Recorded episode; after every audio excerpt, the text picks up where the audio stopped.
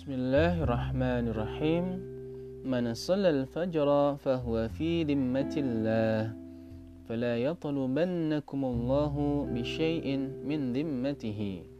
Artinya, barang siapa yang menunaikan salat subuh, maka ia berada di dalam jaminan Allah. Maka jangan sampai Allah mencabut dari kalian jaminannya dengan sebab apa pun.